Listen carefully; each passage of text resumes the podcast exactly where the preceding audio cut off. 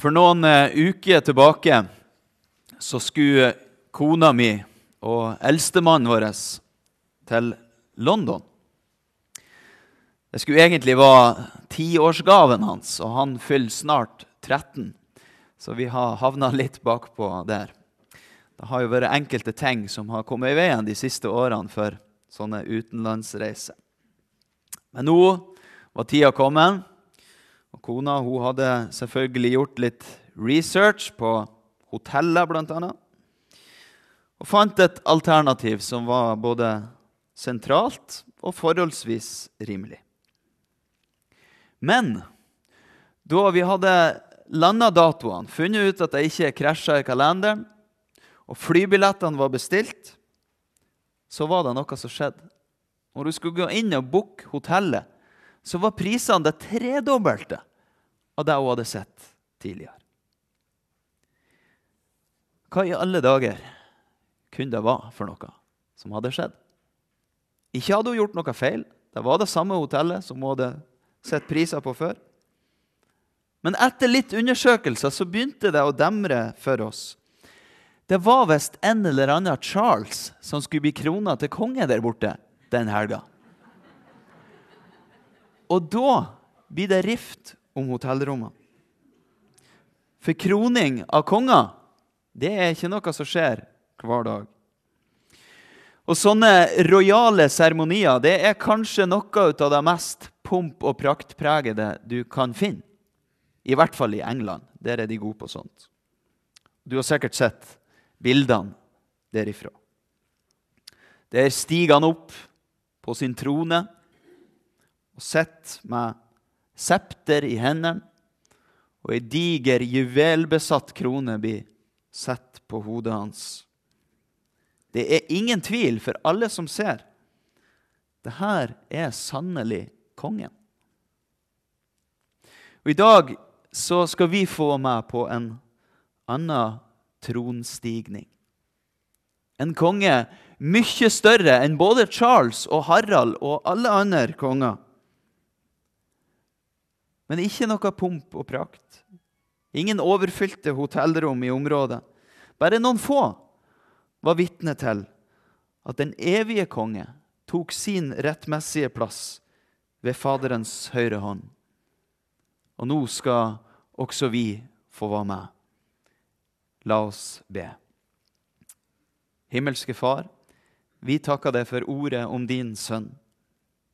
Vi ber om at vi må få ta imot deg i dag i et rent hjerte, så det kan slå rot og bære frukt, til ære for ditt hellige navn. Amen. Dette hellige evangeliet står skrevet hos evangelisten Markus i det 16. kapittel. Vi leser i Jesu navn. Etter at Herren Jesus hadde talt med dem, ble han tatt opp til himmelen og satte seg ved Guds høyre hånd. Men de gikk ut og forkynte overalt, og Herren virket med og stadfestet ordet gjennom de tegn som fulgte. Slik lyder Herrens ord. Hellige Far, hellige oss i sannheten. Ditt ord er sannhet. Amen.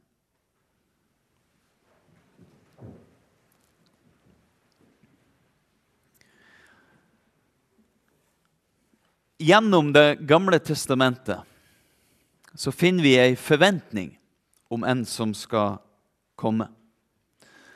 Denne røde tråden som heter Messias, som du kan følge fra Mosebøkene og like til profetene. Ikke alltid like lett å se, men den går gjennom der hele veien. Og Noe av det som danner et viktig bakteppe for disse forventningene, det er jo den største kongen som Israel noen gang har sett nemlig kong David. For det skulle være en etterkommer av han som skulle være konge til evig tid. Og da er det klart at da danner det seg noen forestillinger om hvordan det her må se ut. Og hvordan skulle det da kunne være en som hadde ei krybbe til barneseng? En som holdt til sammen med tollere og syndere, og som kom riende på et esel? Det var enkelte ting som krasja med forventningen. For den kongen som Gud sendte, han var en annerledes konge. En som ikke skulle herske med makt, men som skulle tjene. Han ga avkall på sitt eget og fornedra seg sjøl, like til døden. Den kroninga han fikk hos oss, det var ei krone av torner som ble pressa ned på hodet hans.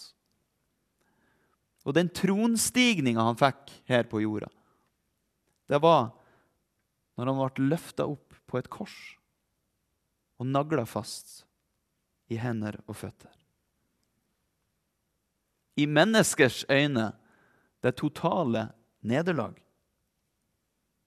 Men i Guds virkelighet den store seier, hvor all makt og myndighet ble underlagt ham. Og fordi han var lydig til døden, så sprengte han gravens stengsel. Han ble oppreist ved Faderens veldige kraft, og nå er vi vitne til den himmelske tronstigning, hvor han tar tilbake det som var hans eget, hvor han tar sin rettmessige plass ved Faderens høyre hånd. Han går tilbake dit han kom ifra. Men det er en forskjell nå. For når han kommer tilbake, så er han merka, bokstavelig talt, av sin tjeneste hos oss. Han bærer fremdeles merkene etter naglene på korset. For han er ikke bare konge. Han er også ypperste prest. Og hva var det nå som var ypperste prestens oppgave? Den ene tingen som ingen andre kunne gjøre enn ham. Jo, en gang i året gikk han inn i det aller helligste i tempelet, inn i Guds nærvær, og der bar han med seg soningsofferet, det er blodet som dekka over folkets synd. Der stiger nå Jesus fram for Faderen etter å ha fullført renselsen for våre synder. Offeret som gjorde ende på alle offer. Han løfta sine sårmerka hender. Prisen er betalt. Synden er sona. Tjenerkongen har fullført sin tjeneste på jorda. Han bærer ikke juveler og pynt. Han bærer naglemerkene som sine regalier, sine kongemerker. Nå er det sånn med vanlige konger at de er som regel ikke tilgjengelige for oss vanlige dødelige. Å få en såkalt audiens det er forbeholdt de ganske få. Men vår himmelske konge han har en litt annen holdning til det. Han har lova å være med alle dager inntil verdens ende. 40 dager var han sammen med disiplene sine og underviste om de ting som hørte Guds rike til. Nå gjenstår det bare ti dager. Snart skal han sende Ånden. Og så blir det starten på en helt ny æra som vi feirer i pinsen. Og vi ser hos disiplene at det blir et vendepunkt. De hadde jo håpa at han skulle være sammen med dem fortsatt, på den måten som de var vant til. Men de får erfare at åndens tidsalder det er noe annet og noe enda bedre enn det de hadde kjent før. For da er ikke Herren bare hos de. Han er med de og i de. Ikke bare sammen med ei lita gruppe, sånn som når han var her. Han hadde sine tolv utvalgte. Men hos alle som tror på han. Og de går nå snart ut i en verden som ikke akkurat er vennlig innstilt. De skal komme til å møte hard motstand, forfølgelse, fengsel og død. Men de er ikke motløse, for de har ingen vanlig konge over seg. De er underlagt han som har makt over liv og død og evighet. Og han er med dem. Hva er det de går ut for å gjøre? Forkynne ordet. Det er det de skal gjøre. Det er det vi leser om i apostelgjerningene at Peter gjør på pinsedag. Han forkynner omvendelse til den korsfestede og oppstandende Jesus Kristus. Det er det all forkynnelse dreier seg om. Vi har så lett for å bli leda ut i alle mulige slags gimmicker og påfunn. Men forkynnelse dreier seg om å peke på Han som har sona all verdens synd, og som har all makt i himmel og på jord. Det finnes ikke frelse i noe annet navn. Ingen guder og ingen mennesker. Bare den himmelske konge skal vi bøye kne for. Det var det apostlene forkynte. Og Herren var med og stadfesta ordet gjennom de tegn som fulgte. Det kan du lese mer om i apostlenes gjerninger når du kommer hjem. Det var ikke lenger noen redde og skjelvende menn som satt bak stengte dører. De gikk ut i verden i åndens kraft. Syke ble helbreda. De onde åndsmaktene mista grepet. Og det fremste tegnet som stadfesta ordet, det var at mennesker kom til tro. I Froe Jerusalem så kan du se nærmest som eike på et hjul som går ut i verden. Mennesker blir lagt til, menigheter vokser fram. For Herren var med. Og La nå ikke grammatikken gjøre det motløs, for det her gjelder nemlig i presens også. Herren er med i dag. Når du kjenner at din bønn er et tungt arbeid, hvor du kjenner deg alene og motløs, vær oppmerksom på det. Herren er med. Du har altså en himmelsk forbeder som går i forbønn for det hos Faderen. Han er en mellommann for det. Hver gang du går inn i bønn, så kneler Jesus ned ved din side. Han løfter sine naglemerka hender for det framfor Faderen. Derfor kan du være sikker på at din bønn blir hørt. For han har åpna veien. Den prisen han betalte for det, gjør at du kan be frimodig i hans navn. Og når du vitner for din neste, for dine naboer, for dine venner, din familie, da er han med. Det er ikke tomme ord du forkynner, for det er han sjøl du peker på da. Den levende. Og var ikke bekymra for at du kan så lite, eller at du ikke har ordets makt.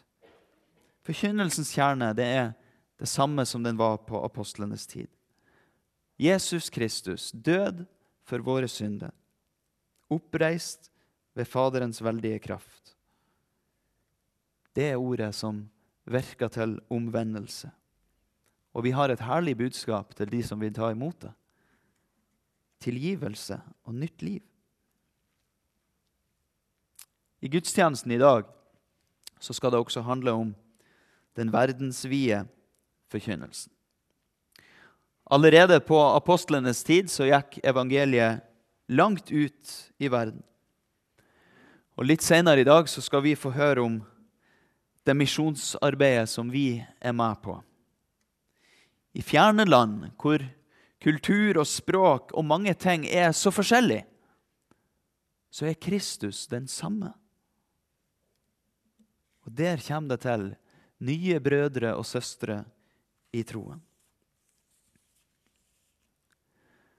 Det kan være mennesker som lever under ganske annerledes forhold enn oss. Det kan være mennesker som opplever undertrykkende ledere og myndigheter som utnytter dem. Og så får de høre om kongen som hersker ved å tjene. Så får de erfare at han har en mye større makt enn de jordiske lederne. Og så skapes det en tro som vi ofte har mye å lære av. En tro som ikke frykter for konsekvensene, men som står imot i både forfølgelse og vanskeligheter. For han er med.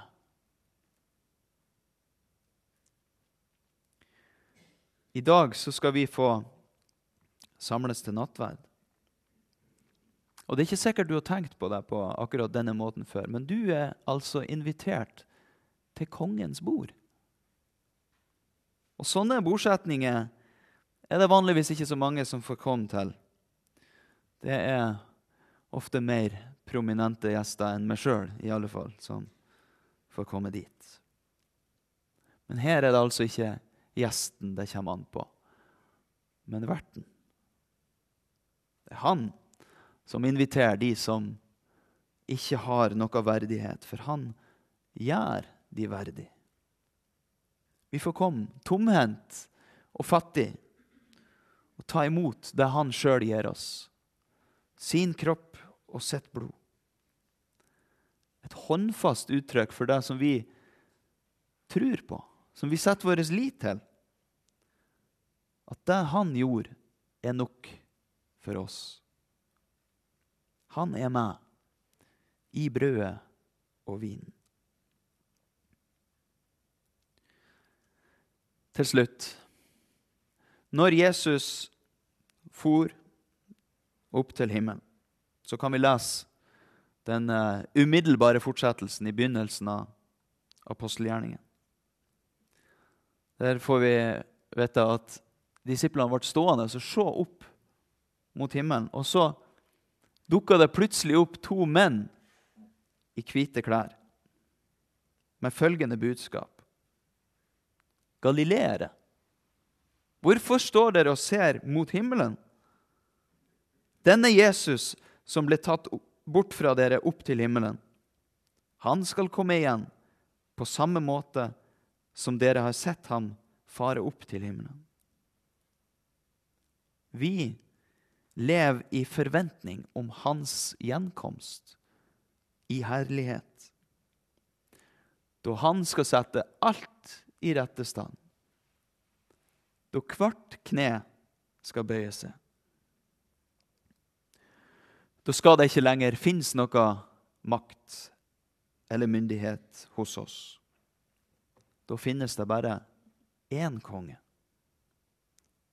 Og vi skal få være hos han i Hans rike. Og Derfor stemmer vi i med den siste bønnen som vi finner i Skriften. Amen. Kom, Herre Jesus.